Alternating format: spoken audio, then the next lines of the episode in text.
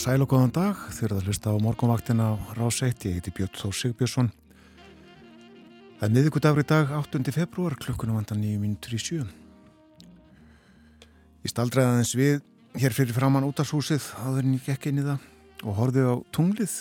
Það er nærandi að horfa á tunglið. Tunglskinnið fallegt og alls konar litir koma fram þegar svona þunnar skýja hulur þokast fyrir það. Mæli með þessu en uh, það er kallt á landinu öllu uh, frost þar að segja. Og uh, vindur, svo litil vindur fjórastega frost í höfuborginni klukkan 6 skíjað segja þér en þó ekki skíjaður en svo að ég sá sem sagt tunglið. Og suðvestan 5 metrar. Slórendar í 17 í mestu kviðu og fjórastega frost á Kanneri 10 metrar þar 5 steg af frost í Stikishólmi og 8 metrar sunnanátt.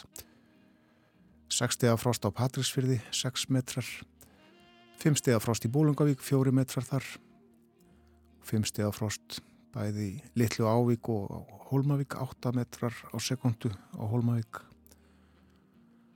Og 5 steg af frost á Blönduósi 4 steg af frost í Söðunarsvita 4 steg af frost líka á Akureyri 5 metrar þar sunnanátt Logn á Húsavík, 6 stiga frost og 6 stiga frost á Rauvarhöfn, 6 metrar þar sunnan.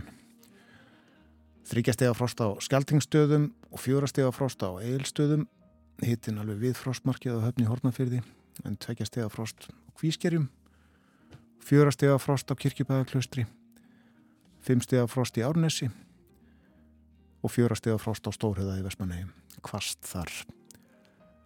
Og spáinn, hún er svona suðvestanátt í dag, viða 8 til 15 metrar á sekundu, er það ekki kaldi, stinningskaldi jafnvel.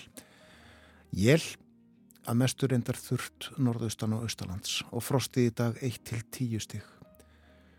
Og í kvöld verður vestan og norðvestanátt 10 til 18 metrar og jél norðan og vestan til. Á morgun 5. dag blæð svo að vestan, verður vestlæg átt 5-13, dregur úr jæljum verður úrkomi lítið sítiðis og vaksandi söðastan átt og snjókoma síðist seint annað kvöld og frostið 2-12 stig. Og það snjóaði svolítið í Reykjavík og huguborgarsæðinu í gerðkvöldi og snjóri yfir. Þannig reynda mókonum burt, reyðja götur og gungustíða í morgun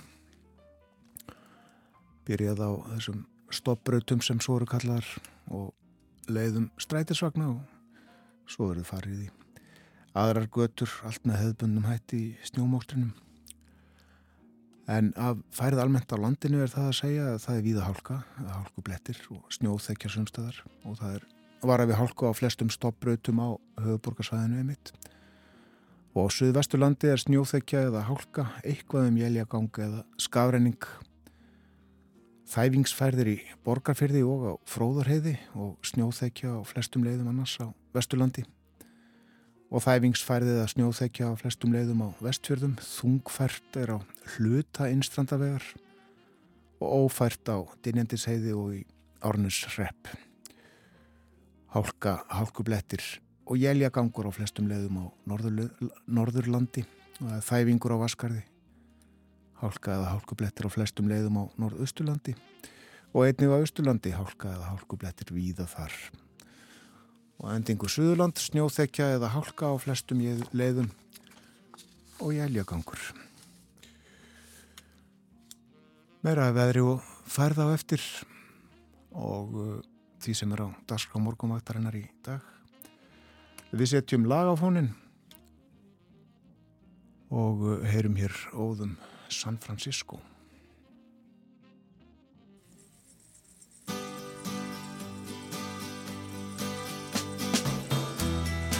If you're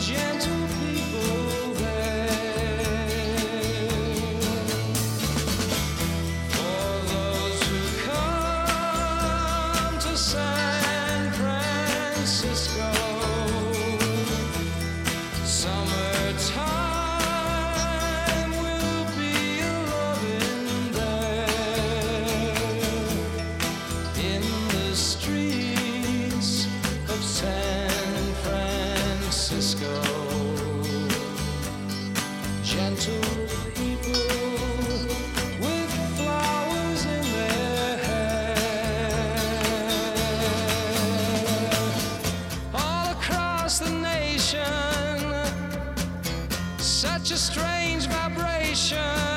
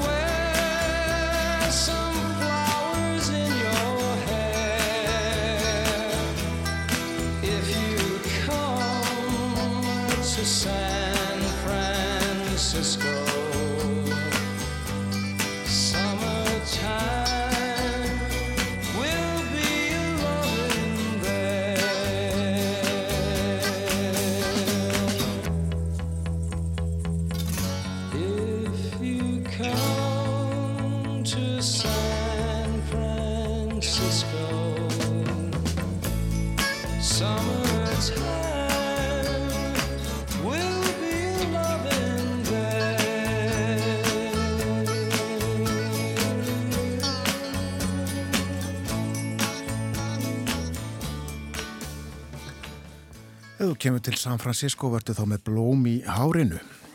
Scott McKenzie, hann var blómabarn. Það verður 15 steg að hiti í San Francisco í dag og sól.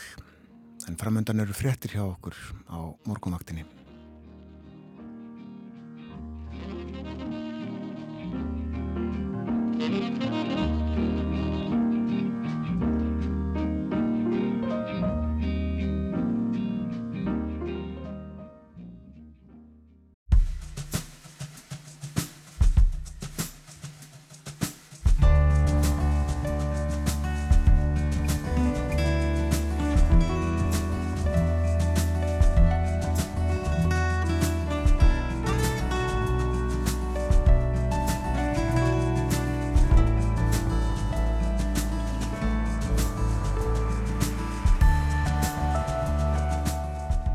Morgunvaktin helsar og býðu góðan dag.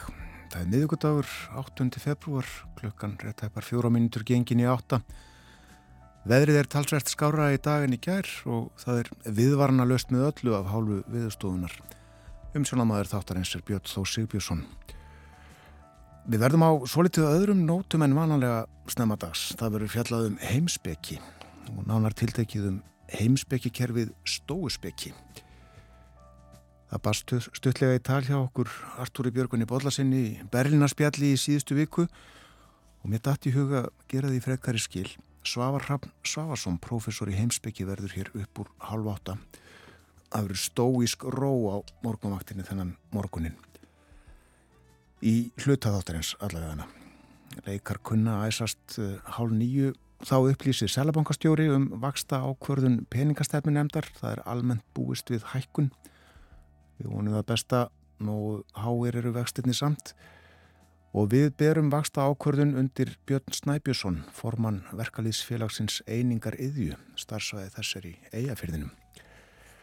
Og svo verður vera illugadótti með okkur. Við fylgjumst með hræðilegum afleðingum jarðskjáltans í Suður Tyrklandi og Norður Sýrlandi og notum tilefni til að reyfa upp stuttan en merkilegan kabla í langri sögu Tyrklands, nefnilega stopnun ríkisins eins og við þekkjum það í dag. Vera segir okkur frá Mustafa Kemal Atatürk. Hann er kallaður fadir Tyrkja. Einhvern veginn svona verður morgumaktinn í dag.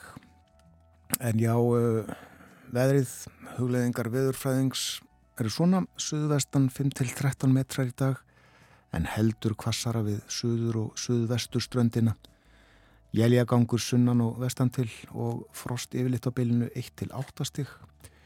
Og sent í kvöld verður vestan og norðvestan átt 10-18 og þá fer að snjóa norðanlands.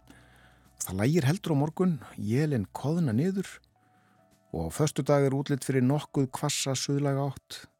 Slitta eða rigning verður á föstu daginn en snjó koma fram eftir degi á norður og austurlandi og það hlínar. Og það er almennt hálka eða snjóþekja á vegum landsins, þæfingur, skafræningur sumstaðar og jæljagangur runar á stökustað. Dinjandis heiðir óferð. Við lítum í blöðin og uh, á fórsíðun begja blada eru myndir sem að teknar voru við uh, skóalíðina í Reykjavík í gær þegar uh, sérfræðingar landsbjargar byggur sig til að fara til Tyrklands á skjáltasvæðið. Seks tíma flug beðura segir hér á fórsíðu morgunbladsins lagt að stað frá keflaðugur flugvelli Æslandir flög sveitinni út. Og uh, aðstóða í Tyrklandi segir fréttablaðið á sinni fórsíðu og uh, þessir sérfræðingar landsbjargar munu aðstóða við Björgun og uh,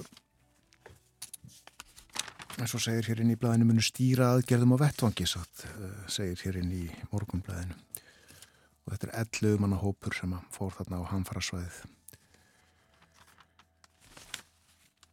Nú uh, það er á fórsíðu morgunblæðsins fjallaðum verkvöld en líkur á að fleiri fari verkvall heldur en starfsfólk Íslands hótela verkvall þeirra hófst í gær.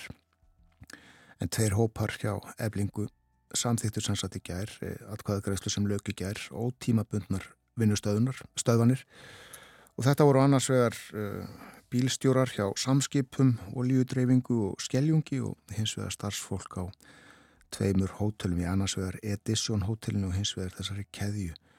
Berð Jæja og uh, vinnustöðun þessara hópa á þessum stöðum á að hefjast 15. februar á hádegi þá. Og uh, það var bara mjög góð þáttaka sig í þessari atkvæðagreyslu 77% hjá bílstjórum eitthvað aðeins minna hjá starfsfólki á hótelun og uh, verkvall samþygt með miklu mun Svo er fjallaðum uh, þennan dóm sem fjalli hérastómi í gæri í máli sem að fólk hjón held ég uh, höfðu gegn landsbankanum.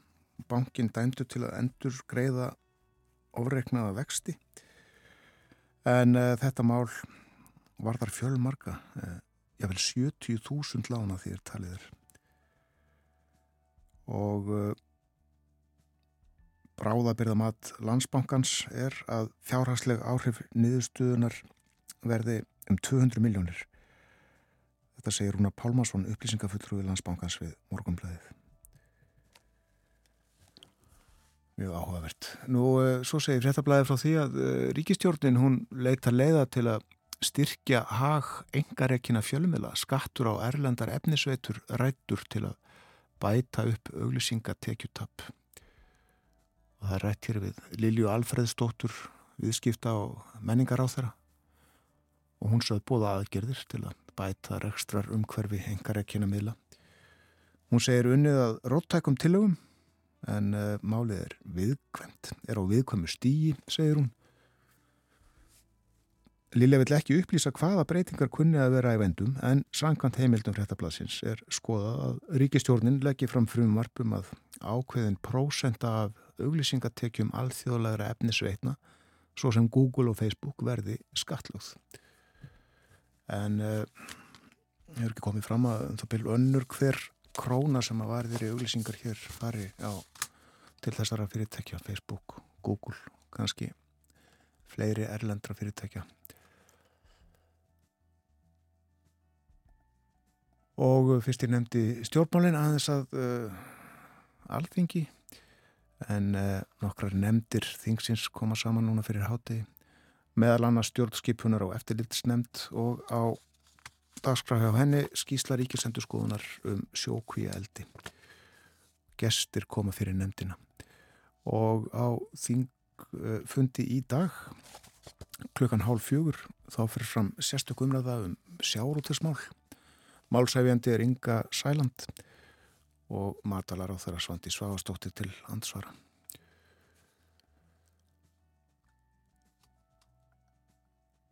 Það eru núna 50 ár síðan það tók að gjósa í Vestmanægi.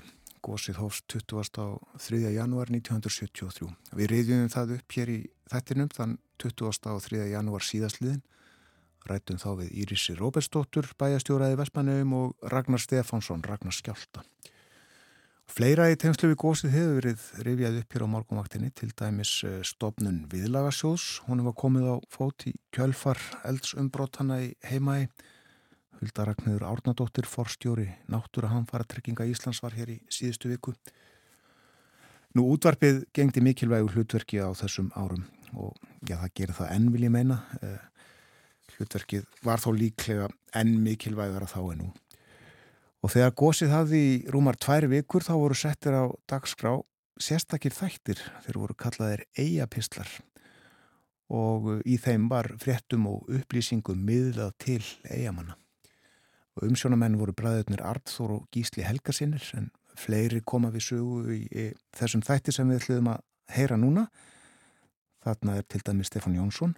Við hlustu nú á eigapistil þeirra bræðra frá því fyrir sléttum 50 árum. Við höfum tekið að okkur að sjá um þennan eiga pistil, fyrstum sinn, þrýr, ég undirritaður, Arnþór Helgásson, Gísli bróður minn og Gunnar Sigurmundsson prentari. Ætlunin er að þetta verði eins konar útvarfsdagblað versmaneyinga hér á meginlandinu. Til dæmis geta þeir eiga menn sem ekki vita hver af öðrum komið persónulegum upplýsingum á framfæri og skilabóðum til vina og vandamanna og verður reynd að greiða úr því hér sem tími og rúm leifa. Það er sem sagt ætlunin að við hjálpum til að halda hjörðinni saman en til þess verið þið að hjálpa okkur. Með því til dæmis að senda okkur línu eða ringi okkur. Þið skulum merkja umslögin eiga pistill Ríkisútvarpinu skólagötu fjögur Reykjavík. Og í okkur gísla getið þið náð í síma 1-29-43 1-29-43 að kvöldinu. Og eh, einn þeirra sem ætti að hjálpa okkur núna í dag var Sverrir Tannlæknir. Já, ég reyndi nú að ringja fyrir þig í Sverri Einarsson tannlækni en hann mátti nú því miður ekki vera að því að koma hinga til okkar. Hann er nefnilega byrjaður starfsemi sína hér á fastalandinu.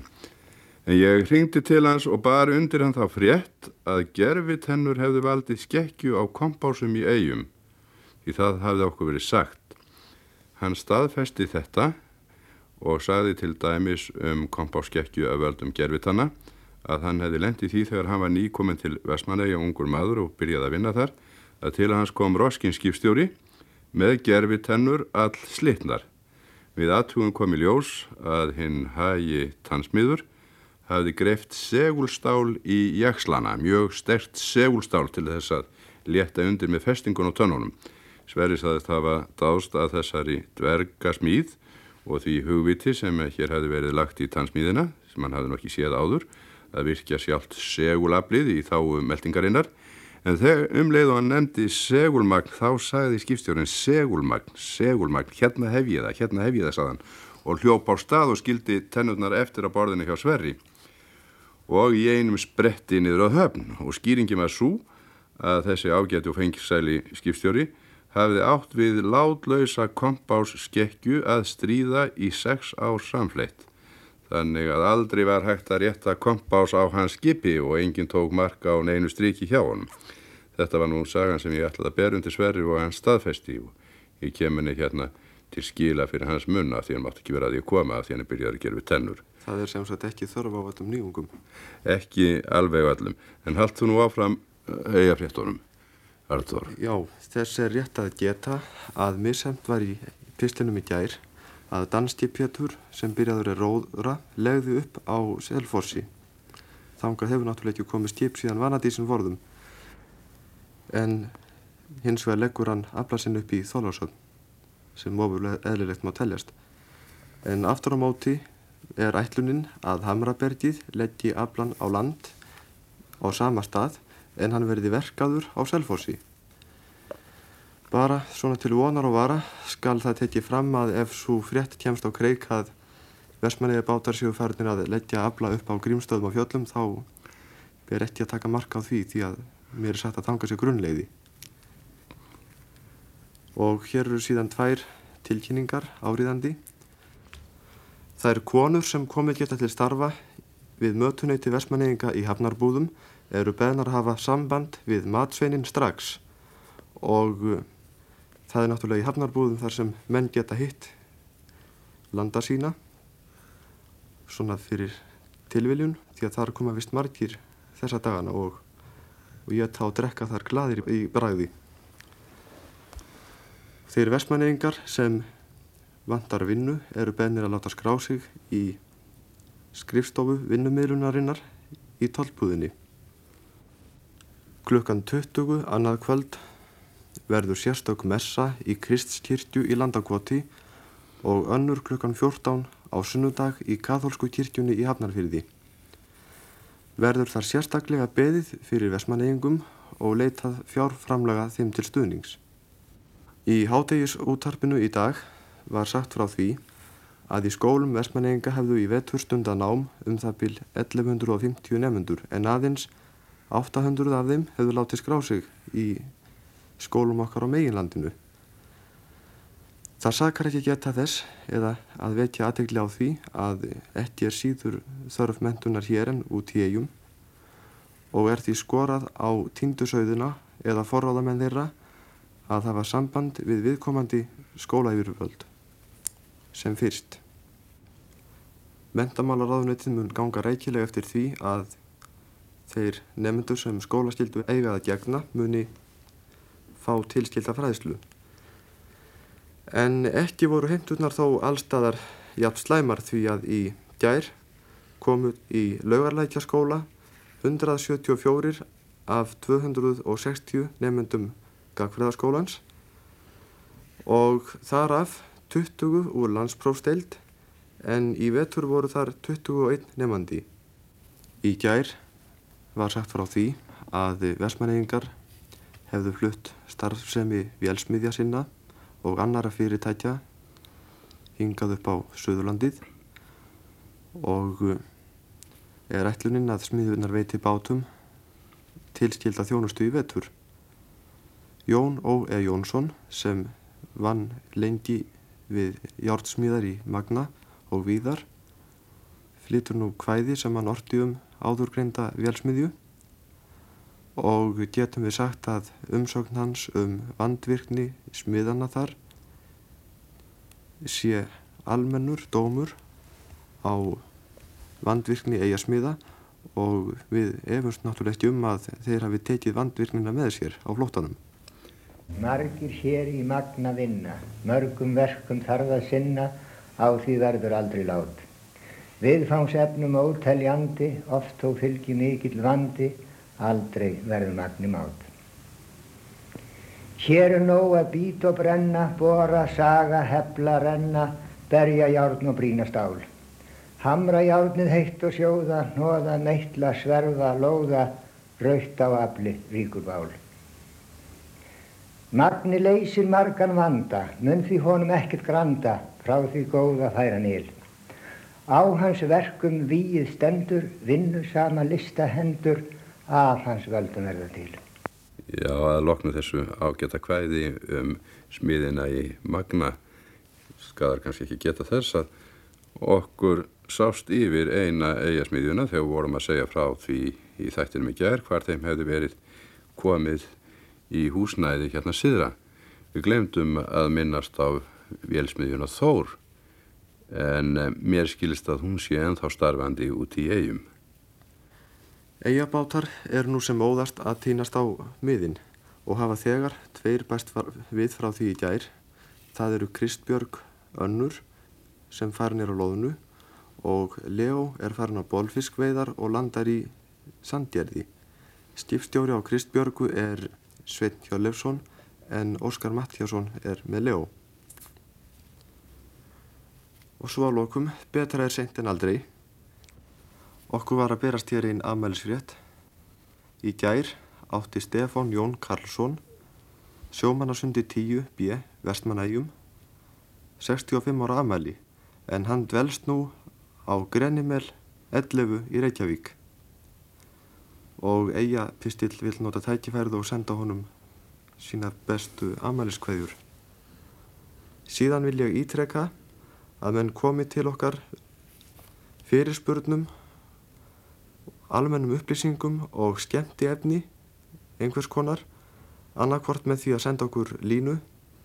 Og heimilisvangið er eigapistill ríkisútvarpinu skólagötu fjögur Reykjavík. Og símanúmer okkar er 1 20 og 943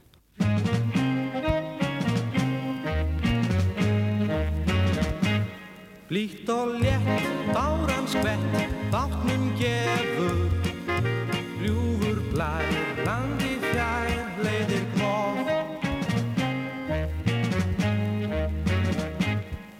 Ekkert hinn, árdagsblik, örmum vefur Hlýð og grund, haf og söng, hvíta voð Og skútan skrýður skínandi við sæ sem fugl á flugi feskum í sunnan blæ. Blítt og létt, báran skvett, báttum gefur Blær, landi fjær, leiðir gnóð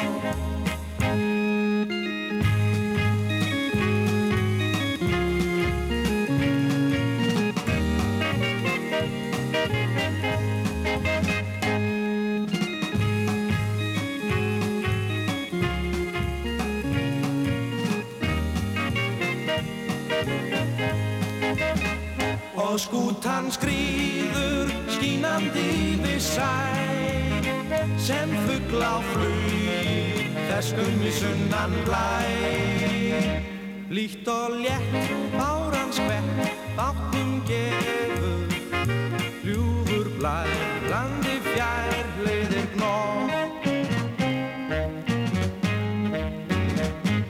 Ljúfur blær landi fjær leiðir gnóð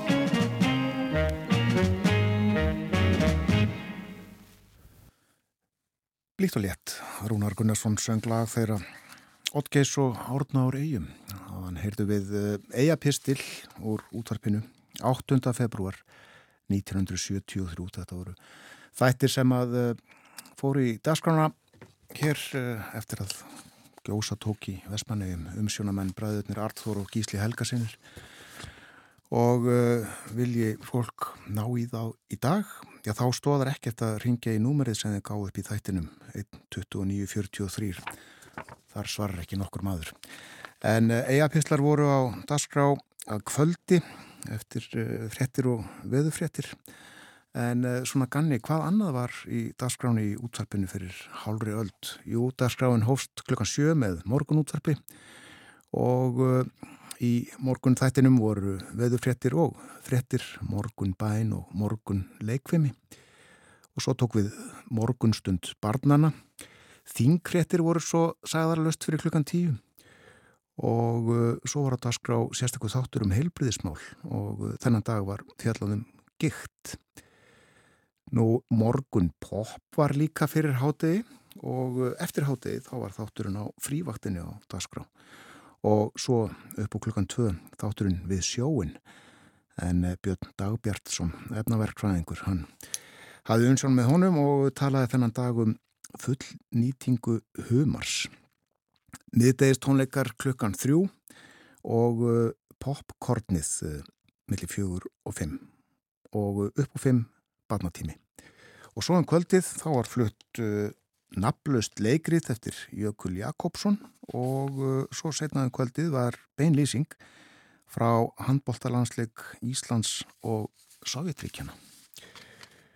Og hvernig ætli sáleikur hafi farið? Jú, Ísland hafi betur. 23.19.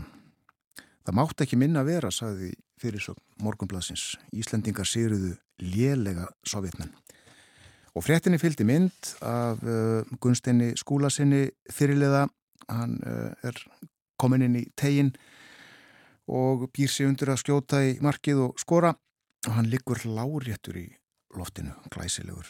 Og uh, það var vakin aðtikli á því myndateksta að íslenska liði leik í nýjum búningum í þessum leik gegn sovjetmönum og svo nýjung var að það var komin auglýsing á búningin frá flugfélagi Íslands en á búningnum stóð Æslandi er það var setna svo nafn fyrirtækisins flugfélagsins já, flugleiða. Er auglýsingin smekkleg og lítir búningin alls ekki, saði í morgunblæðinu. Það stýttist í fréttaðiflitið, fáum það á slæðinu halv átta eftir uh, þrjára mínútur, eitthvað svo leiðis. Eftir fréttinnar þá ætlum við að uh, tala um heimsbyggi, við ætlum að fjalla um stóuspeki. Hér verður Svavar Rapp Svavarsson, professor í heimsbyggi. Nú, uh, eftir morgunfréttinnar verður vera eitthvað með okkur og hún ætlar að segja okkur frá Ataturk, föður Tyrkja sem var fyrsti fósetti líðvildisins Tyrklands, sagðu stopnandi Tyrklands. Og uh, klukkan hálf nýju, já þá uh, tilkynni selabankastjóri um vaksta ákvörðun, það er vaksta ákvörðunadagur í dag, heldur búist í því að megin vextinnir verði hækkaðir enn en að ferðina. Við fylgjumst með því og uh, heyrum í bitni Snæbjörnsinni, formanni verkalýsfélagsins einingar yðjú og akureyri á eigafeyði. Við erum ákvörðun peningastefnum nefndar undir hann. Þetta á fleira til framöndan á morgunvaktinni í dag.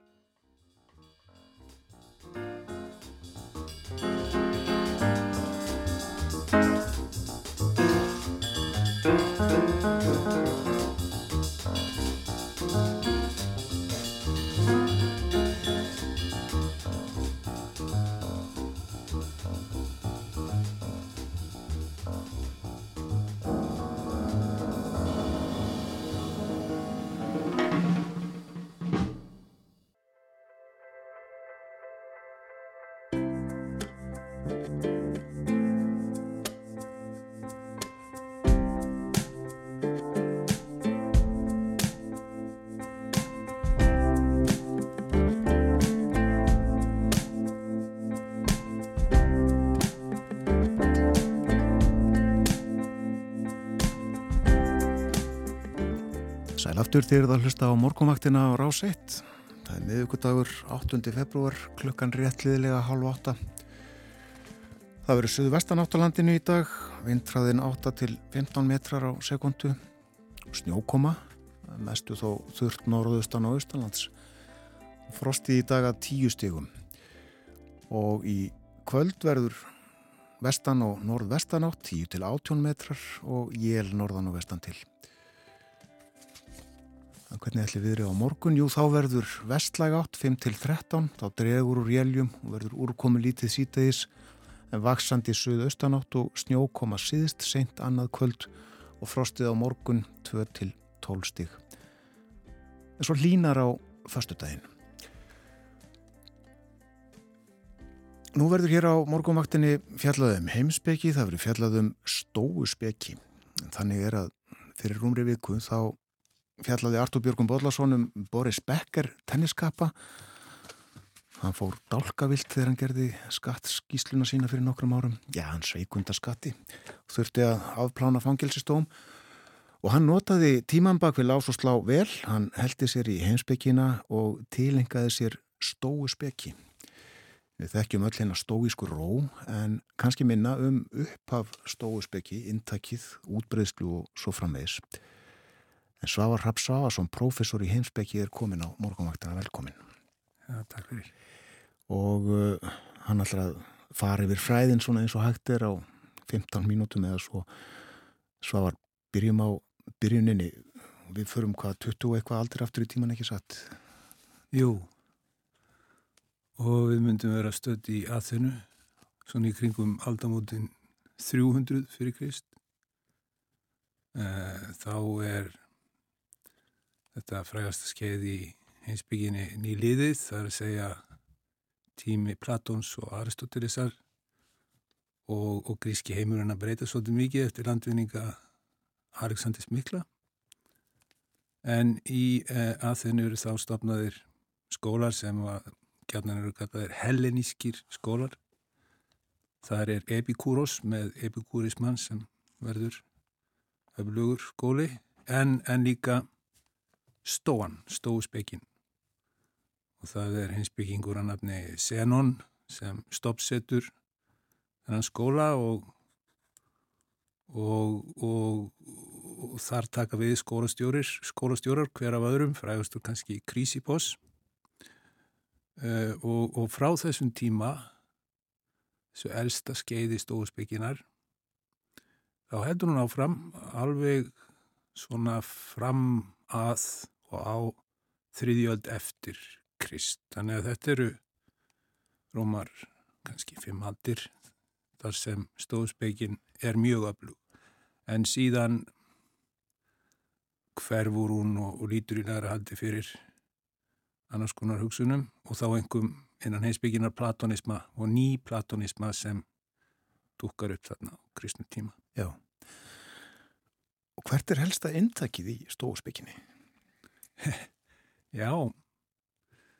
Uh, þessi skólar á þessum tíma, á þessum öldunum fyrir krist, uh, eru eilítið frábröðunir heimsbyggi Platons og Aristotelesar og þeir einkennast allir af því sem við köllum gætan raunhyggju. Það er að segja mikilvægi skinjunar til að, til að kynast heiminum og efnishyggju líka.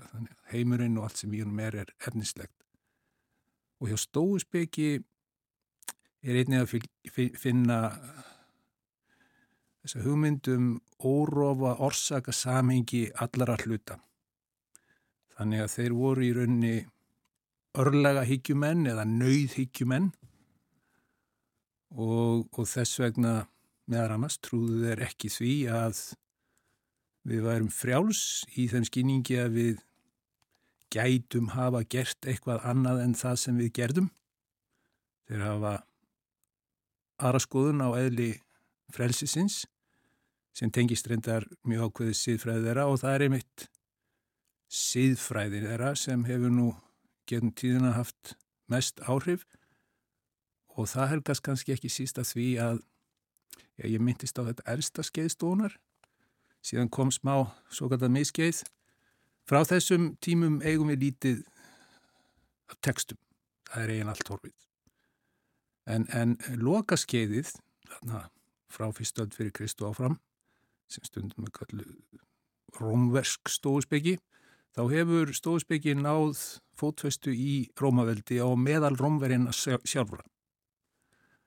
Svo mjög að, að mjög margir stjórnmáramenn og aðdannamenn í Rómaveldi voru stofumenn og þetta nær ámarki með sjálfum keisaranum Markusi Árelíusi á annar öldi eftir Krist sem var frægur stofumæður og að auki eigum við dörfvert af rítum eftir þessa rómversku stofumenn, eftir Markus Árelíus, eftir Seneca og, og, og fleiri.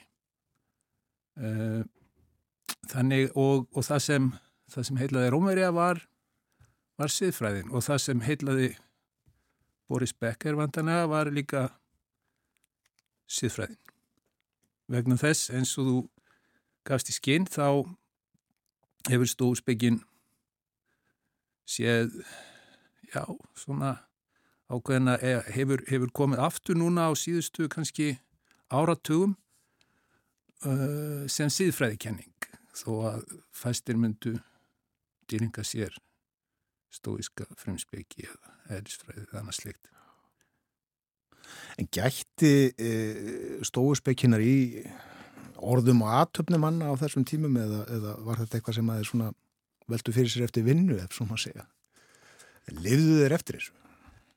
Já, já, það var hugmyndin vegna þess að einsbyggja á þessum tíma, sérstaklega á þessum helliníska tíma hafði þennan já, kost umfram til dæmis einsbyggi síðari tíma eða okkar tíma að, að hún var ekki einangruð frá lífun hún átti að, að, að vera lífsmáti svo kallaður og, og, og þetta byrtist mjög skýrt í, í stóðsbygginni þannig að all hefðun manns átt að taka mið af kenningunni. Þess vegna skipti siðfræðistofumana svona miklu máli fyrir þá sem aðhildust stóðsbyggi.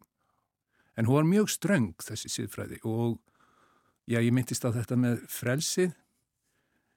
Eh, annað er, það var mikið deilumál í, í, í fornöld og, og sjálfsagt er enn spurningin hvernig ætti að lifa lífinu sem best, hvernig ætti að aðlast farsald, lifa hennu góða lífi og nánast allir voru samálu um að til þess að geta gert það þurfti maður að búa yfir því sem þau kvöldu digð eða ágæti, vera búin mannkostum. Uh, frægasta hugmyndinu þetta er, er hjá Aristotelesi sem segir að þetta sé langsamlega mikilvægast í þátturinn en hann vil þó meina að án ákveðina heitri gæða uh, getur maður ekki öðlast þess að farsald eða verið verið farsall, hvorki orðið það til þess þurfa ákveðu uppeldi, nýja við haldið farsall til þess þurfa ákveðin grunn. Eh, það er gegn þessu sem stómenn sett sig. Það skiptir engum máli hvað gengur á í lífiðinu, svo lengi sem þú býrði við þessari degð, þá getur orðið farsall. Sama hvernig uppeldið þitt var, sama hversu Ítla er komið fyrir þér hvort þú ert neftur í þrældóm eða hvað skiptir engum máli. Digðin einn skiptir máli og digðin hjá þeim var skilin sem skilningur, þekking. Þessa hugmynduðu frá Sókratesi um að digð væri ekkert annað en þekking. Og ef maður býr ekki yfir þessari þekkingu, þá er maður að samanskapi ekki digður og rendar gengur þau svo langt og höfðu mjög gaman að því að nexta fólk með orðalagi sínu þá var maður ekki bara ódigður eða löstugur eða vondur, maður var hreinlega brjálaður. Ekkert minna. Nei. En um þetta var þannig að stóisk siðfræði, skilin ströngum skilningi er óskaplega erfið og erfitt að, að lifa eftir inni og svo virist vera sem ekki öllum hafi tekist það sem skildi frægast að dæmiðum um það að uh, að orð og æði fari ekki saman hefur verið nefnt uh, sem Seneca sem kendi Nero og var ríkasti maður Rómar fyrir utan keisarna sjálfan. En alvegum var þann nú að svifta sér lífi uh, að skipun keisarhans uh, annað atriði sem er aðglisvert við Já, svo við endum þessa hugsun hjá tennisleikaranum uh, er að uh, venjulega höfðu heimsbyggingar þegar þeir horfa sáláli mannsins skipt, uh, skipt sál, mannlegri sál í, í gróm dráttum í tvo hluta. Það er annars vegar tilfinningarlíf, kvatalíf, kendalíf og hins vegar skinsemin. Skinsem og skinleysi. Og þetta var aðskilið og það var um að gera að skynsuminn næði tökum á, á tilfinningunum. Eh, Stóminn lítu örfis á þetta. þeir gerði ekki þessa skiptingu uh, allt var þetta vitsmunarlíf okkar líka tilfinningar allt enda þetta með ákveðinni niðurstuð, allt sem við gerum, allt sem við hugsum enda með niðurstuð sem er ákveðinni dómar sem við fellum þannig að dómurinn um að til þess að komast út þurfum við að opna, opna dyrnar er jætt mikill vitsmunadómur og þegar ég reyðist eða fyrtist eða sirki látin vinn eða eitthvað. Þetta er allt dómar, vitsmunulegi dómar. Þannig en það sem fólk almennt kallar tilfinningar eru líka dómar. Það sér kennilega við þá dóma stómana er að þeir eru alltaf rángir.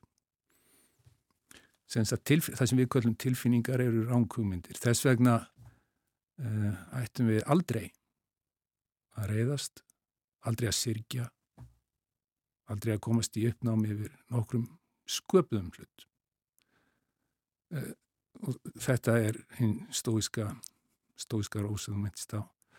Og þetta tengist, tengist öðru, þetta tengist annars vegar örlaga higgjunni. Heimurinn er eins og hann hlýtur að vera. Og hvaða áhrif get ég sem einstaklingur haft á hann heim? Ég get aðeins haft áhrif að það sem er á mínu valdi og þau gerur greinum minna á því sem er á mínu valdi og því sem er ekki á mínu valdi. Og hvað er á mínu valdi, spuru þeir? Já, í stöðumáli er það bara viðhorf mín. Ég ræð viðhorfum mínum, enguðrum. Þetta innsægi, þó að hljómi mjög róttakt, hefur síðan heila fólk á 20 stöld og býra baki til dæmis aðriðlisbænni hjá A-samtökunum. Þetta býr líka að, að baki einsum hugundum sem hafa verið notað í þessari meðferð, þessari þerapíu sem kallast hugræn atferðlismeðferð og, og, og, og aðstandendur þeirrar hugmyndar viðurkenna skuld sína við stóðsbyggina. Og megin hugmyndin er að þarna það sem heillar á síðan hluta 20. aldar og 21. öld er að, að, að fólk með þessum hætti geti náð meiri tökum á, á sálarástandi sínu, á sálarlífi og öðlast það sem stofumenn lofuðu, það er að segja hugaró eða sem kalla mætti ángurleysi og það er vantanlega það sem þýski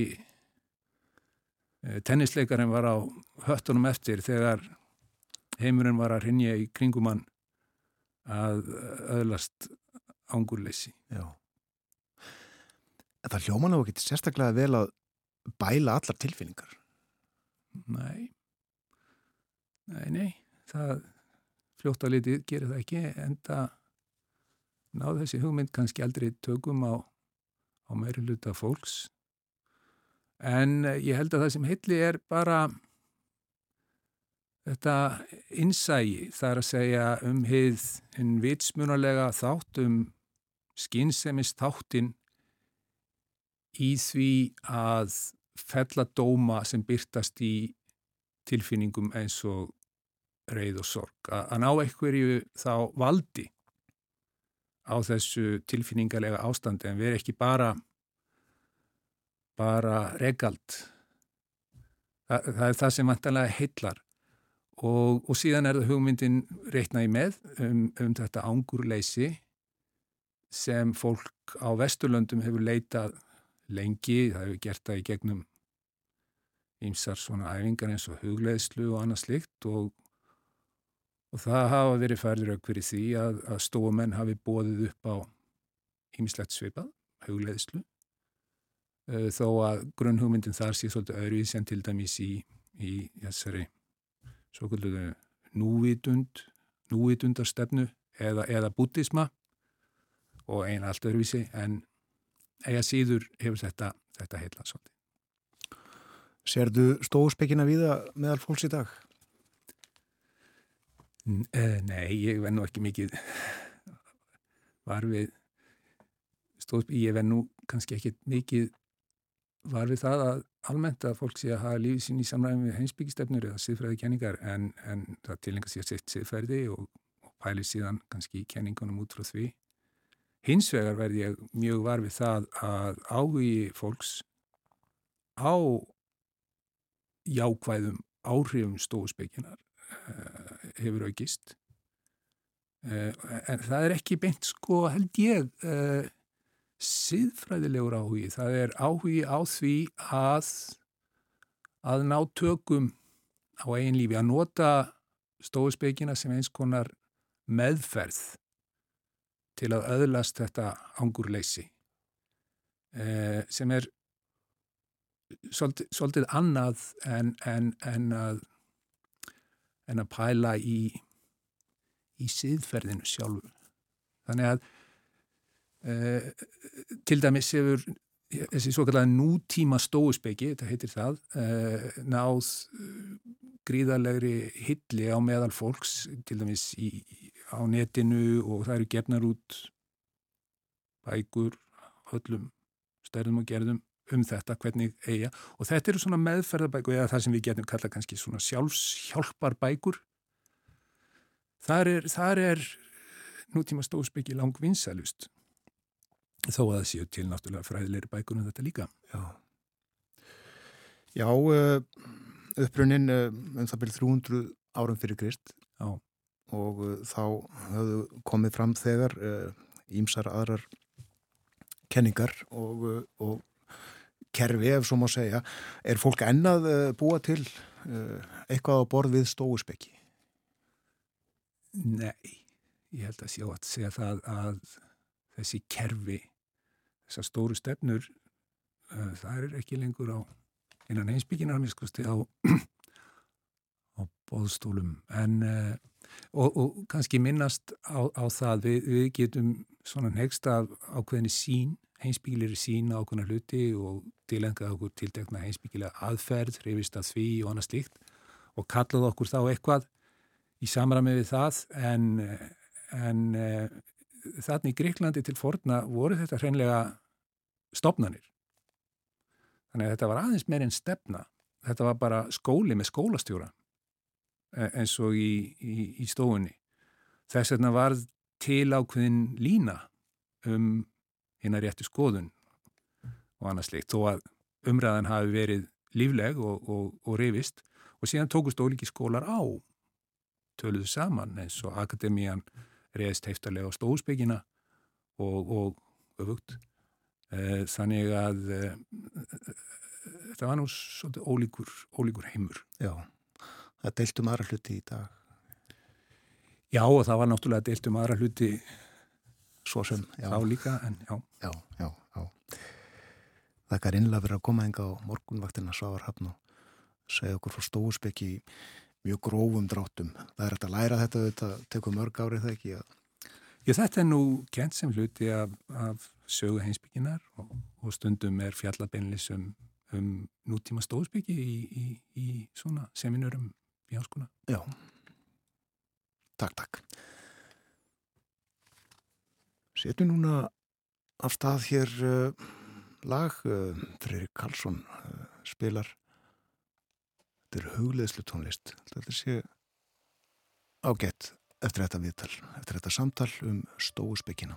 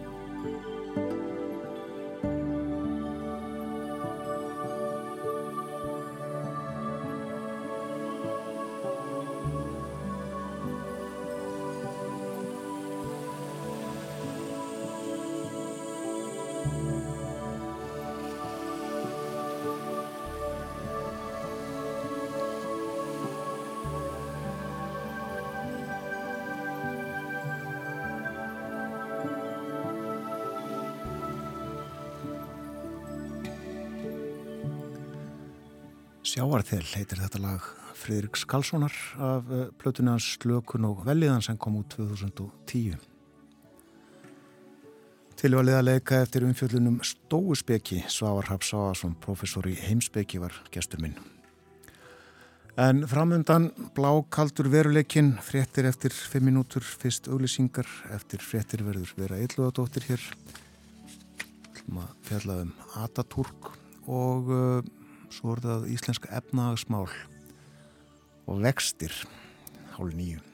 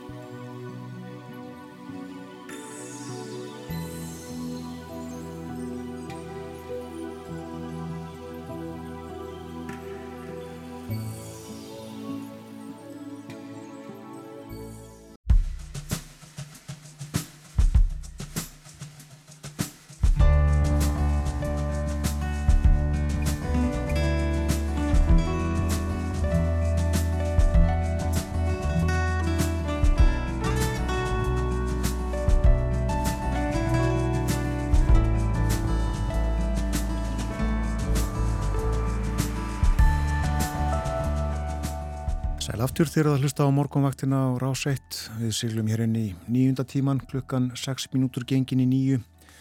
Það er miðugudagur í dag, 8. februar.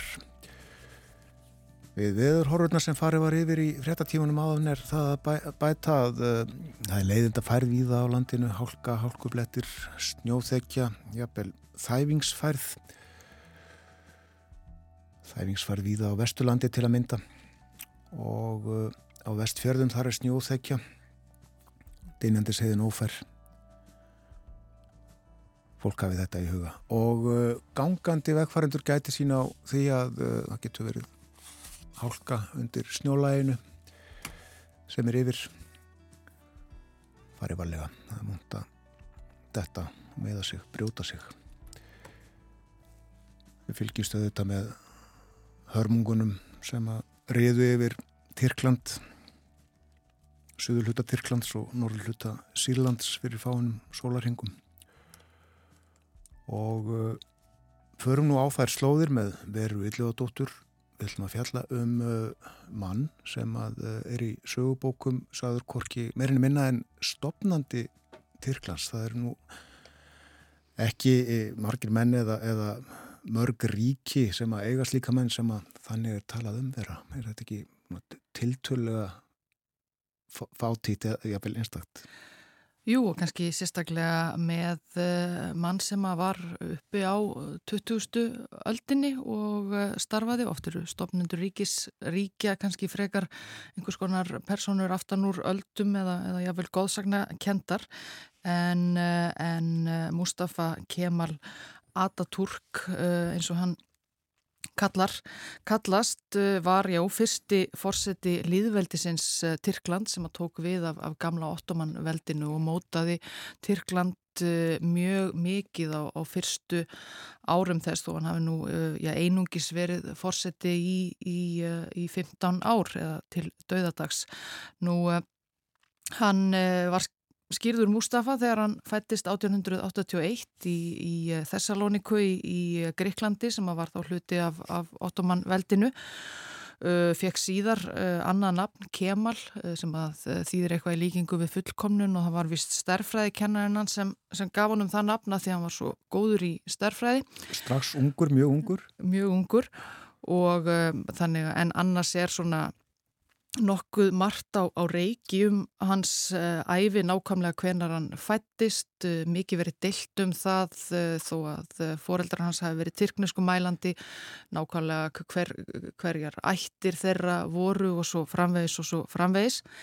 En hann gekk í herskóla frá unga aldri og, og, og varð herfóringi og tók þátt sem ungur herfóringi í, í starfi leynilegra samtaka umbóta sinnaðara hermana sem vildu breyta til í, í ottomanveldinu sem var þarna orðið margra alda gamalt og, og mjög svifa sent og, og aldur nýið og uh, Vakt, en vakti svona kannski fyrst aðtegli 1915 þegar hann fór fyrir herliði Tyrkja í, í fræri orustu í fyrri heimstyrjöldu á Gallipoli skaga þar sem að Tyrkir eh, náðu að rinda innrás eh, bretta og ástrala á nýsjálendinga og var eiginlega svona eini stóri sigur Tyrkja í fyrri heimstyrjöld og mjög alræmdur sigur, alræmdur ósigur fyrir, fyrir breyta þannig að hann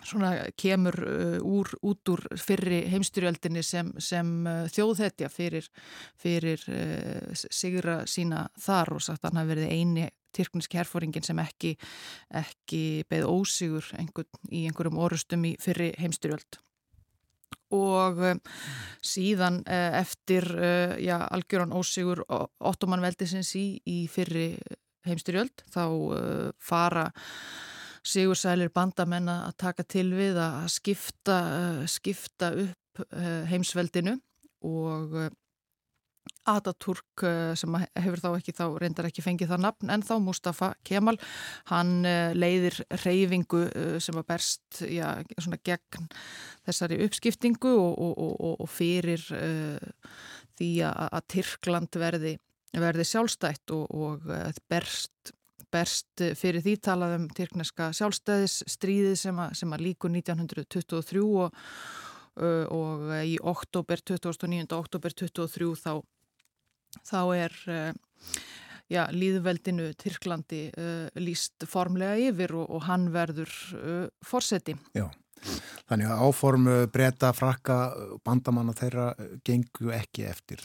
Nei, Þeir ætlaði að skipta ja, þessu. Skipta þessu, þessu frekar upp auðvitað. Kvarnaðist uh, mjög mikið af gamla ottomanveldinu þarna á síðustu árum þess en, en öll áformin gengu ekki eftir en þessu fylgdu þetta gífulegt umrót. Þarna höfðu verið hræðileg þjóðarmorð áður á, á armennum, gríkjum og, og assiringum og, og sumulegðis voru margir margir sem að, önnur uh, þjóðarbrót sem að, sem að flúðu og, og svo framvegs.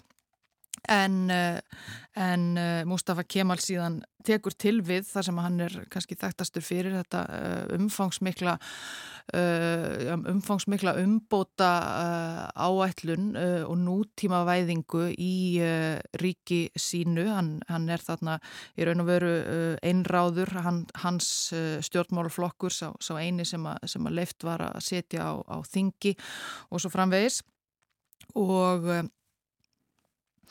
og ímislegt uh, uh, algjörlega rofin tengslinn við, við gamla ottoman uh, veldi, þarna var, ekki, var hættur að vera uh, soldán en það var enn það sem kallaður uh, kalifi, hann leggur niður kalifa veldið sem var æðsti maður uh, sunni Íslams. Og, og síðast til kalifin hregst á, á, á brott og síðan leggur Mustafa Kemal að áherslu á, mikla áherslu á, á, eh, á svona veraldega stjórn og aðskilnað ríkis og, og, og Íslams uh, trúar og byggir upp þarna eh, stjórnkerfi að vestrætni fyrirmynd lítu til Fraklands og, og fleiri Evrópuríkja með það, ný stjórnaskrá og nýtt stjórnkerfi eiginlega að öllu leiti og uh, stopnarnir byggðar upp að sem sé evróskri fyrirmynd, hann byggir upp, uh, lætu byggja upp nýja uh, höfuborg Ankara í, í stað Istanbul og og ímislegt fleira og margt svona, margt svona einstök, einstök dæmi sem að hafa orðið fræg eins og 1925 þegar hann já, bannaði landsmönnum með sérstökum hattalögum að vera með rauða, þessar rauðu feshatta sem voru svona einkennandi fyrir eh, karlmenn í ottoman veldinu og, og eh, skipar embættismönnum að að vera frekar með vestræna hatta, barðahatta og, og alls konar slíkt. Þetta voru lög sem að, já, voru liður í því að hvetja Tyrki til þess að, til þess að taka upp vestrænan klæðinað og urðu mjög umdelt. Þeim var, þeim var mótmælt af, mikill ákjæfð viða um Tyrkland. Já og eh, annað, annað frækt dæmi er að uh, hann tekur upp nýtt uh, stafróf á, á undra uh, skömmum tíma eiginlega. Í ottomanveldinu skrifuðu Tyrkir tungumál sitt með, með arabísku stafrófi út af tengslum við, við Íslams trú sem að stafróf sem að hendar tyrknesku í raun og veru mjög, mjög illa þar sem þetta eru mjög ólík tungumál, arabíska og tyrkneska en og gerði það verkum að, að, að tyrknesk börn áttu mjög erfitt með að læra að, að lesa, voru mjög lengi að því og, og læsi var mjög lítið í, í landinu. En uh, hann uh, Ataturk fór á, á fund málvísindamanna og, og uh, létt þróa sem sé Já, latnest eh, stafróf fyrir uh, tyrknesku og málvísindamenn, sagan segir að málvísindamennir hafi sagt honum að þetta geti náðust á svona 3-5 árum að taka upp þetta stafróf en þá hafi hann ákveðið að náði í gegn á 3-5 mánuðum. Já. Og það leiðu, það var allavega innan við ár þar til, þar til byrjaði að vara að prenta uh, dagblöð á með þessu nýja stafrófi og, og í kjölfari þá, þá jógst mjög læsi uh, þjóðarinnar, þetta uh, eh, voru ímsar aðrar, aðrar breytingar þarna á, á mentakerfi, uh, stúlkur fengu aukið tækifæri til, til náms og, og almennar, almennar samfélagsþáttöku og svo framvegis og svo framvegis, þannig að hann var það þannig gífulegar breytingar á, á skömmum tíma og svona kannski reynda verið bent á það á síðari árum að, eh, sögurskoðunin hefur verið að Atatürk hafi bara fundið upp á öllu þessu sjálfur og komið þessu öllu sjálfur í, í, í kring það er svona hefur verið mikil personu dyrkun á honum í, í, í ára tugana rás. En þetta byggir hann þarna á uh, hugmyndum sem að, umbúta sinnaðir Tyrkir á undan honum hafðu verið með. Umbúta sinnaðir menni í, og konur í Ottoman-veldinu og er alls ekki, alls ekki einn þarna að, að, að störfum en verður svona mjög, já, svona, já, eins og, og hlítur þetta nafn Ataturk, uh, fadir Tyrkja uh, þegar 1934 að hann setur sjálfur lögum um, að, um að nú beri Tyrkjum að taka upp, taka upp eftirnöfn, einnig að svona vestrænum sið. Það var uh, mjög rótækur uh, og uh, breytti mjög miklu eins og þú segir, deiltum ímsar ákvarðinu, þú nefndir hattalögin, var hann sæmilega þokkaður heldur um meðal svona almennings í landinu?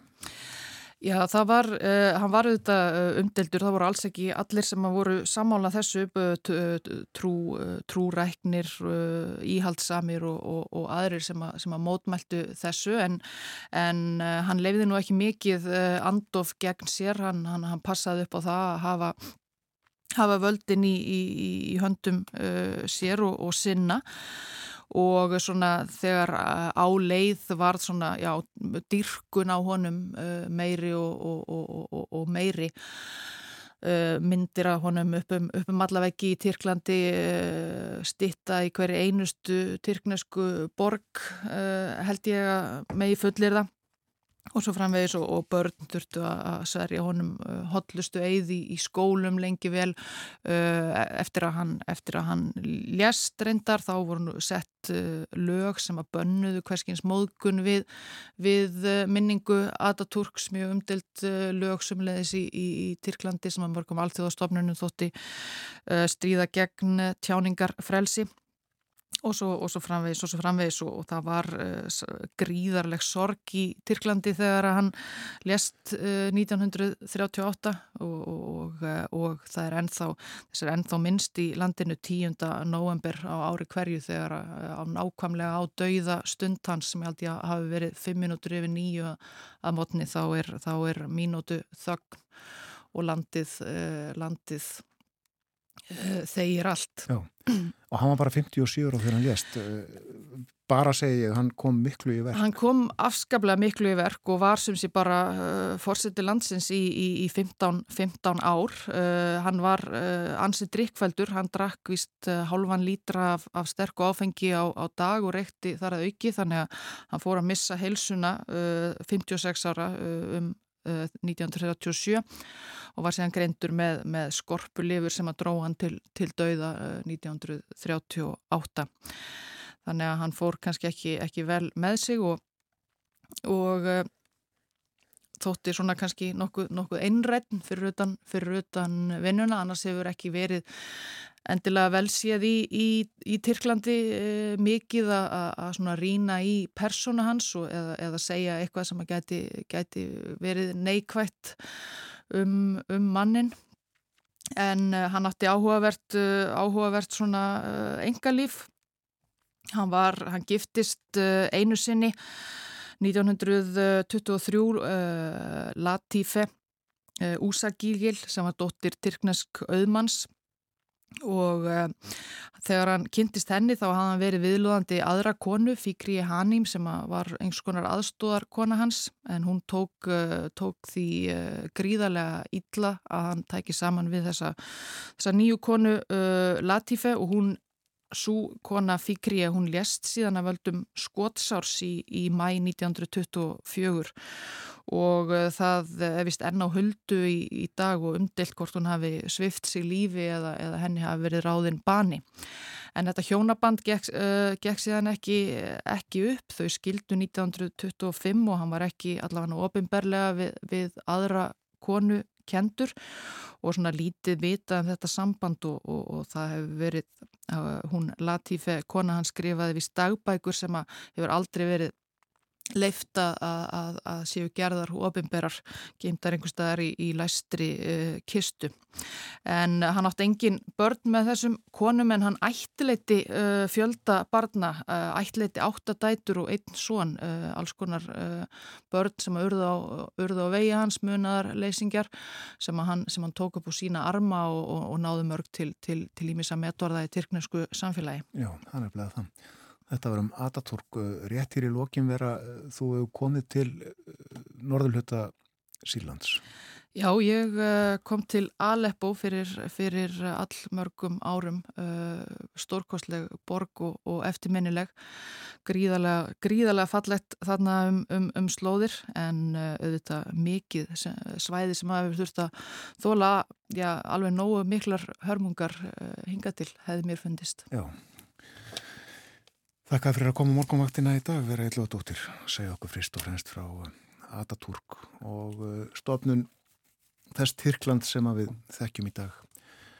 Og við ætlum að uh, spila hér næst Tyrknest lag, setjum á fónin lag eftir og með tónlistamönnum sem heita Jalkin Össó og Neyjat Búrata.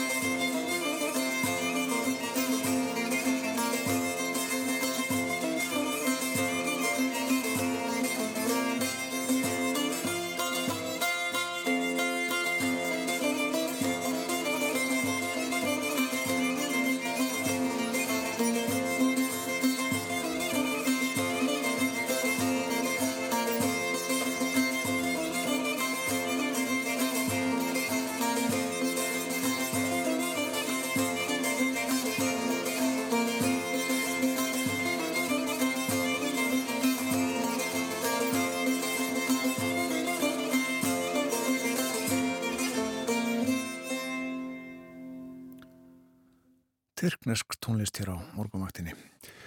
Þetta lag eh, heitir Eflerinde Makine og eh, í þýðingu hjá Google Translate eh, yfir á íslensku Vél á heimilinu, eitthvað í þeim dúr. Og flytjendur Jalkin Össó og Neyjat Burata. Rétt að þingstörfunum í dag, ég sagði nú frá því hér fyrir morgun, gerir það aftur Það verður uh, á fundi stjórnskipunar og eftirlitsnefndar alþingis í dag rættum skýsluríkisendur skoðunar um sjóku í eldi, lagaframkvæmt, stjórnsýslu og eftirlitt.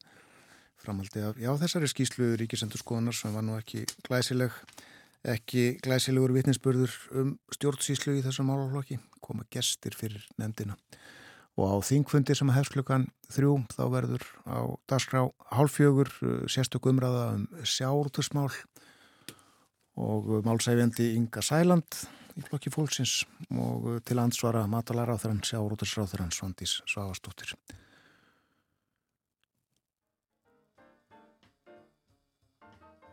Klukkan er 25 minútur gengin í nýju.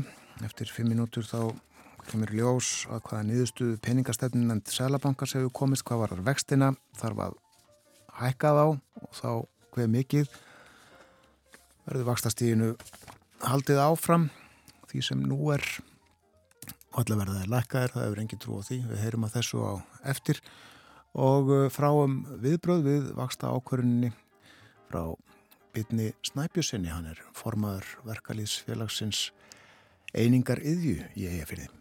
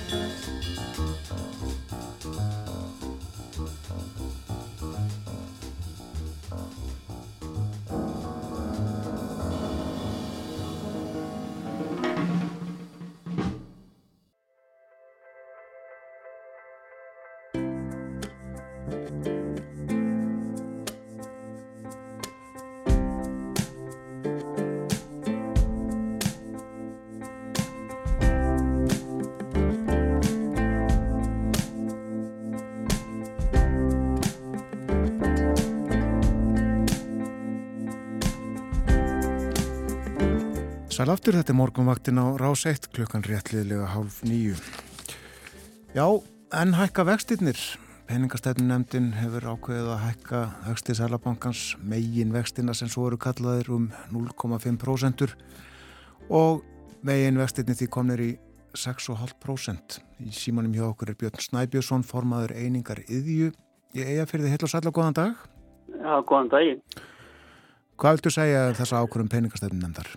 Já, ég bara, ég vil bara alveg hissa. Ég var, maður sko, man, ég átti nú vonaði, menn kannski myndur nú reyna að halda aðeins í sér að, að hérna, menn kannski að 0,25 væri kannski algjört hámark en 0,5, ég finnst þetta að vera hryllileg tíðindi og við buðum hverjum varum góðan daginn og mér finnst þetta ekki góðu dagur, alltaf byrjun á daginu með, með þessari skjálfilegu ákvörðum.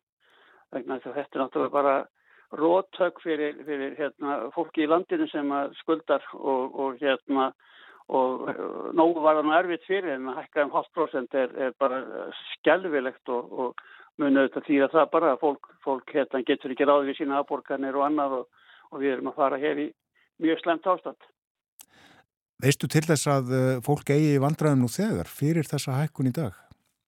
Já, það er, það er alltaf, við vorum með könnum bara í höst hérna eins og hjá einingu yðju, við vorum með það með fjóra sáhengjur fólks og hvað þetta er erfileikum og það hefur farið vaksandi frá árinu þess að 21 og, og hérna það var, var þess að erfi, fólk bar sér verð núna heldur en, heldur en áður og, og, og hérna átti meiri erfileikum að borga á lánum og ekki menn þetta nú bæta ástandi. Það segir í frettatilkynningu frá bankanum að eh, verðbólku horfur hafi verstnað frá síðasta fundi nefndarinnar og þótt verðbólka hafi líklega náð hámarki tekur lengri tíma að ná henni niður í verðbólku markmið bankans en áður var talið. Lakari horfur skýrast engum að því að nýgerðir kjærasamningar á almennum vinnumarkaði felir sér tölvert meiri launa hækkanir en þá var ráð fyrir gert. Þú áttar hluta máli? Já, já, já, við vorum í því að semja við þjóðstarkarnarsambandinu, við vorum hérna í því og ég hafna því nú að þetta hefur verið eitthvað meira heldur en um búist var við. Þeir, bara, þeir eru bara með þennan málflutning að það er allt kjara samningum öðrum að kenna. Ég veit ekki betur en ofinberi aðilar hafi hækkað hérna, þjónustugjöldin og annað og, og stór hluti, kannski var ekki helmingurinn af því sem að, að hérna, að, að raunverulega hækka hérna, vístala núna, núna í janúarmáni var vegna þess að ofnbæra aðila voru að hækka sína gjaldskráð og það er mjög gott fyrir Selabankan að hérna, vera alltaf reyna að skjóta okkur í verkefliðseyfingunni sem ég tel að við höfum gert bara mjög skynsama samninga og, og, hérna, og, og alltaf að skjóta okkur þess að við séum eitthvað valdir af þessu. Ég heldur eftir að reyna að þá ræða við þessa ofnbæra aðila sem er að hækka allar þjónustu og gera fólki ennþá erfilega að ná endur saman. Ég les aftur úr tilkynningunni, einnig hefur gengið krónar lækkað og útlýttir fyrir meiri framleiðslu spennu á spátímanum og við þetta bætist að útlýttir fyrir að aðhald fjárlaga verði minna en gert var áð fyrir í novemberspá bankans þrátt fyrir að drægi úr hallaregstri ríkisjóðs í ár. Það er nú ekki eins og uh, þetta sé ekki tiltekki líka svo sem. Ég nú að heilt þetta allt saman áður sko. Þetta er, þetta er, þetta er, þetta er, endur noti bara gamla gamla frasa sem að að vera að ná afsökun fyrir að hækka vexti. Ég tel að, hérna, að menn þurfu líka að hugsa um fólki í landinu. Menn þurfu líka að hugsa um það hvort að heimilin geta borga af lánum og, og, og annað. Það er ekki nóga að, hérna, að, að reyna þá að hjálpa fólkinu. Ég ger það bara kröfu til þess að stjórnvöld fari þá að hjálpa þessu fólki líka að koma með, með eitthvað sem að á móti þannig að til dæmis að í könnun sem við gerðum eins og ég sagði áðan en að Gallup gerði fyrir okkur að er það eitthvað skrítið að 54% fólksins á aldrinu 25 til 35 ára e, frestaði því að fara til tannlæknum síðasta árið en það hafði ekki peninga til að borga tannlæknum. Það er raunin. Já, það er raunin og þetta kemur út úr þessari kannun okkar og, og hérna þannig að, að fólki, batna fólki, það hefur ekki peninga til þess að, að sinna sjálfum sér vegna það er að forgansraða til þess að, að hérna, það geti skrifta. Hvað vilt að stjórnvöld geri? Þau er að koma inn með, með hérna, til dæmis vakstabætur, þau er að koma inn með, með herri húsnæðisbætur og, og semst að hjálpa þessu fólki sem að á, er, er hérna að bugast og Sælabankin er bara raunverulega að setja bensín á eld hjá þessu fólki. Hefur þú trú á að Ríkistjórn gerir þetta sem þú vilt? Já, ég, sko, ég tristi þið nú tæplega til þess en, en, en það er alltaf von, það er alltaf von og ég trúi því að þeir sé ekki alveg hérna, að þeir fylgist eitthvað með hvað er að gerast í, í landinu. En Sæðarbankin virðist vera eiland sem þarf ekki að taka tillit til eins eða eins. Þið söndu við, eh, við sem myndur ykkar á almenna vinnumarkanum eh, á síðasta ári í, í haust eða, eða fyrir part vetrar en það er ósamið við ofinbera og þú ert með þau mál líka á þinni könnu ekki satt? Jú, við erum með eh, fjölmarka aðila sem að vinna á sveitafjölugum og ríki þannig að, að hérna, við hefum það eftir. Ég segi bara ef við hefum nú, hvernig hefðu okkar fólk hérna, farið ef við hefðu ekki verið búin að fá það launahækun sem við söndum um í desember.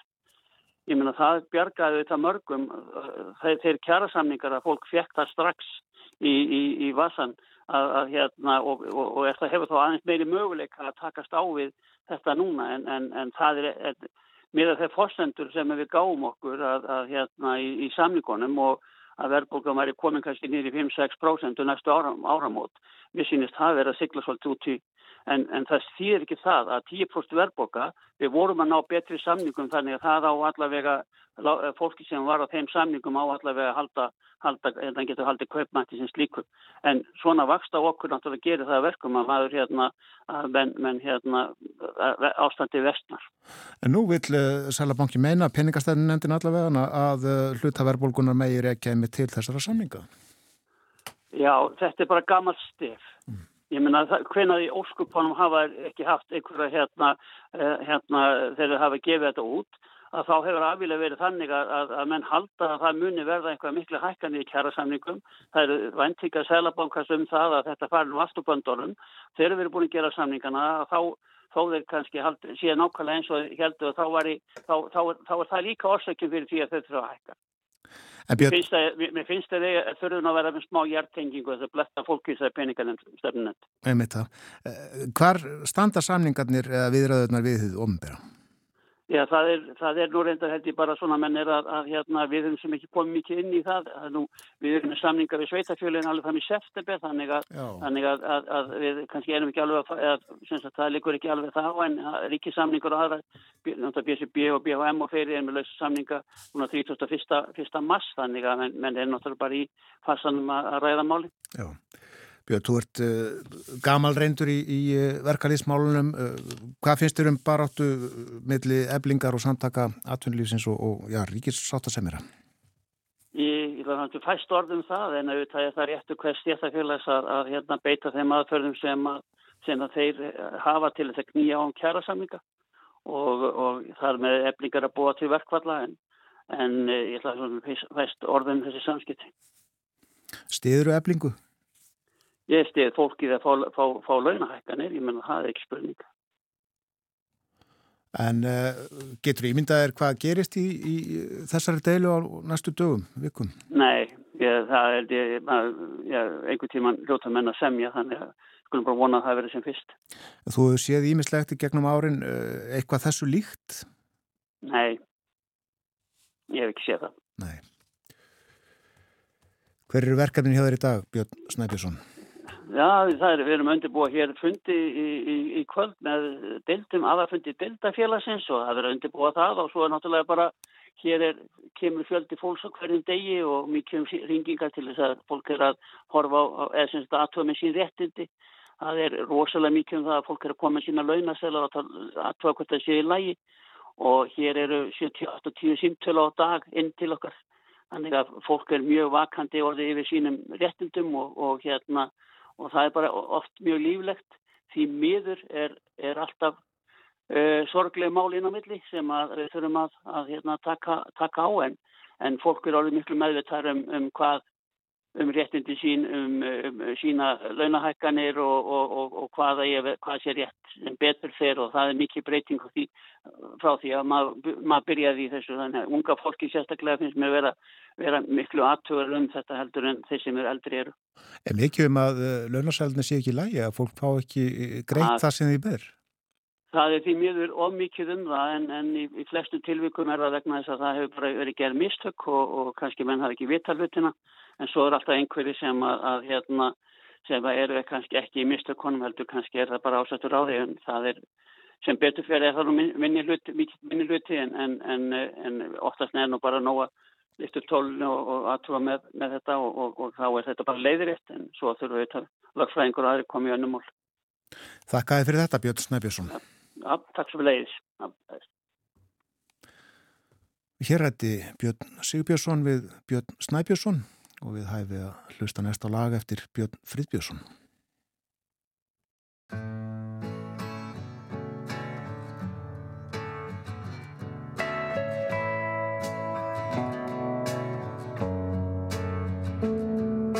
Sumir eru fættir með plús á báðum pólum meðan aðrir er í mínus.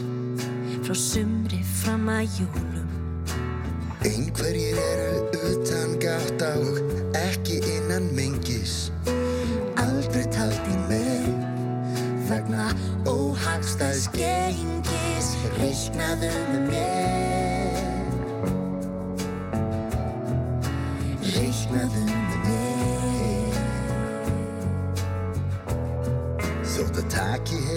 aldur að finna sitt samræmi. Getur samband milli tvekja verið ósköp einfalt dæmi. Að deila sama tím og rúmi er gaglegt gaman og draga aðeins frá. Þegar við leggjum okkur saman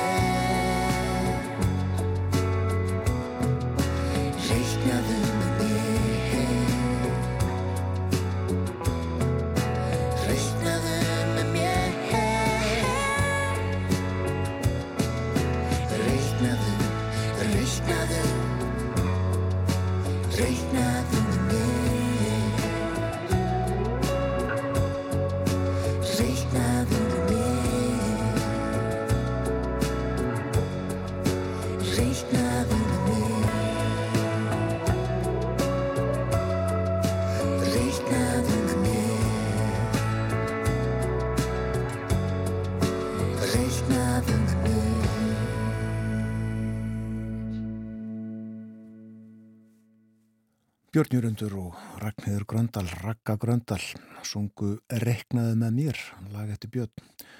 Og hlustum áfram á Röggu og nú lag eftir hana, Ástar orð heitir það. Og uh, hún syngur og spilar á piano, með henn eru Guðmundur Pétursson sem spilar á gítar og bassa.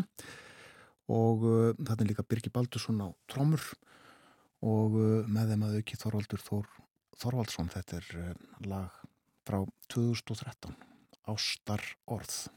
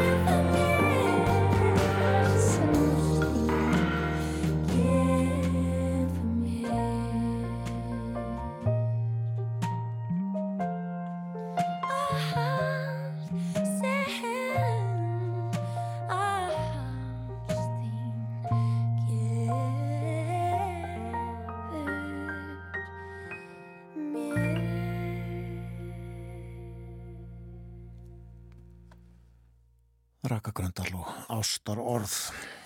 Klukkunum vantar tímíntur í nýju og það líður á lokum morgunvaktarinnar þennan morgunin. Við töluðum hér snemma í morgunum stóu speki, þetta heimspeki kerfi sem var til 300 um, árum fyrir Krist. Já, okkur var Svavar Rapp Svavarsson, professor í heimspeki við Háskóla Íslands.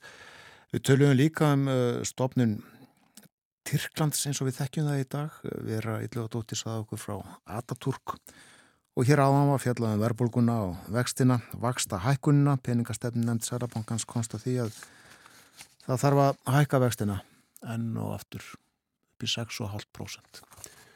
Það rættum þau mál við Björn Snæbjörnsson, formann einingar yðjuverkalýsfélags í eigafyrði. Það var reyður, held ég með að segja. Þetta var ekki, ekki það sem við þurftum, saðan. Ef ekki að létta eins lundina, ég held það.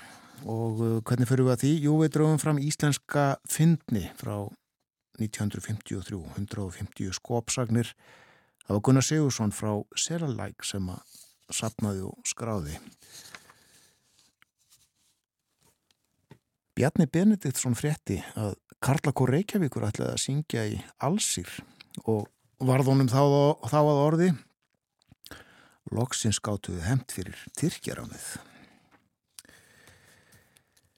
Davíð á Arnbjargarlæk og Jón í Deildartungu voru á ferð saman. Jón var bindindismadur en Davíð ekki.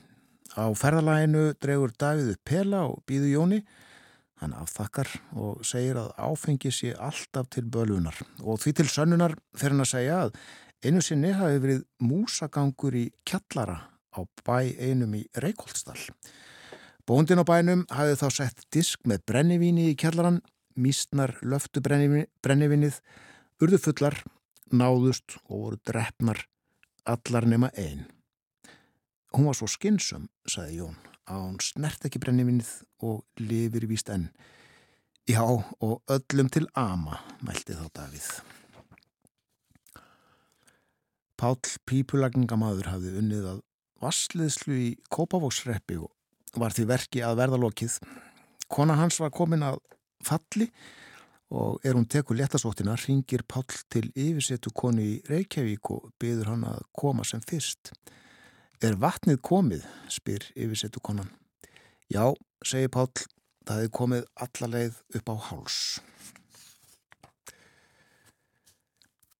Magnús Fimboðarsson, mentaskólakennari, spurði eitt sinn nefnda sinna að því Á hverju menn þekktu sundur setningar? Á kommunum, svaraði nefnandin. Og svo er það nokkra sögur, tvær þrjár af Grími Tomsen. Hann var alkunnur fyrir kerskni sína á stríðni og eitt sem var Tómas Helgarsson læknir að sandrykju með Grími á stúdnetafélagsfundi. Tómas var fullur og var Grími færið að leiðast drikkjuraus hans. Hann segi því mikið eru þér líkur langavæðar Tómas. Hann gegst upp við þetta og taldi að Grímur ætti við Tómas afasinn en þá bætti Grímur við langaviðar sæmundur var talin mesti rusti á Suðurlandi á sinni tíð. Og Grímur var á þingi með Þórði Jónasinni há yfir dómara. Þórður var talin nokkuð laus í skoðunum og ekki stefnufastur. Einu sinni gengur grímur fram á þrjá þingmenn sem voru að karpa um ekkert málefni og var þóruður eitt þeirra og grímur spyr um hvað þeir séu að deila og er honum sagt það. En það er eins og mant er meðal Íslendinga, segir eitt þingmannana, að skoðanir eru þrjár, jafnmarkar og mennirnir. Ekki fleiri, segir grímur, þóruður er þó vanur að hafa tvær. Þetta var úr eh, íslenskri fyndni frá því fyrir 70 eh, árum. Gunnar Sigursson frá Selalæk satnaði og skráði. Og svona líku morgunvaktinni í dag. Þátturum verður á sínum staði í fyrramáli. Við bjóðum góðan dag þegar klukkunum vantar tíu mínutur í sjö. Björn Þórs þakkar samfélgina. Njóti dagsins og verðið sæl.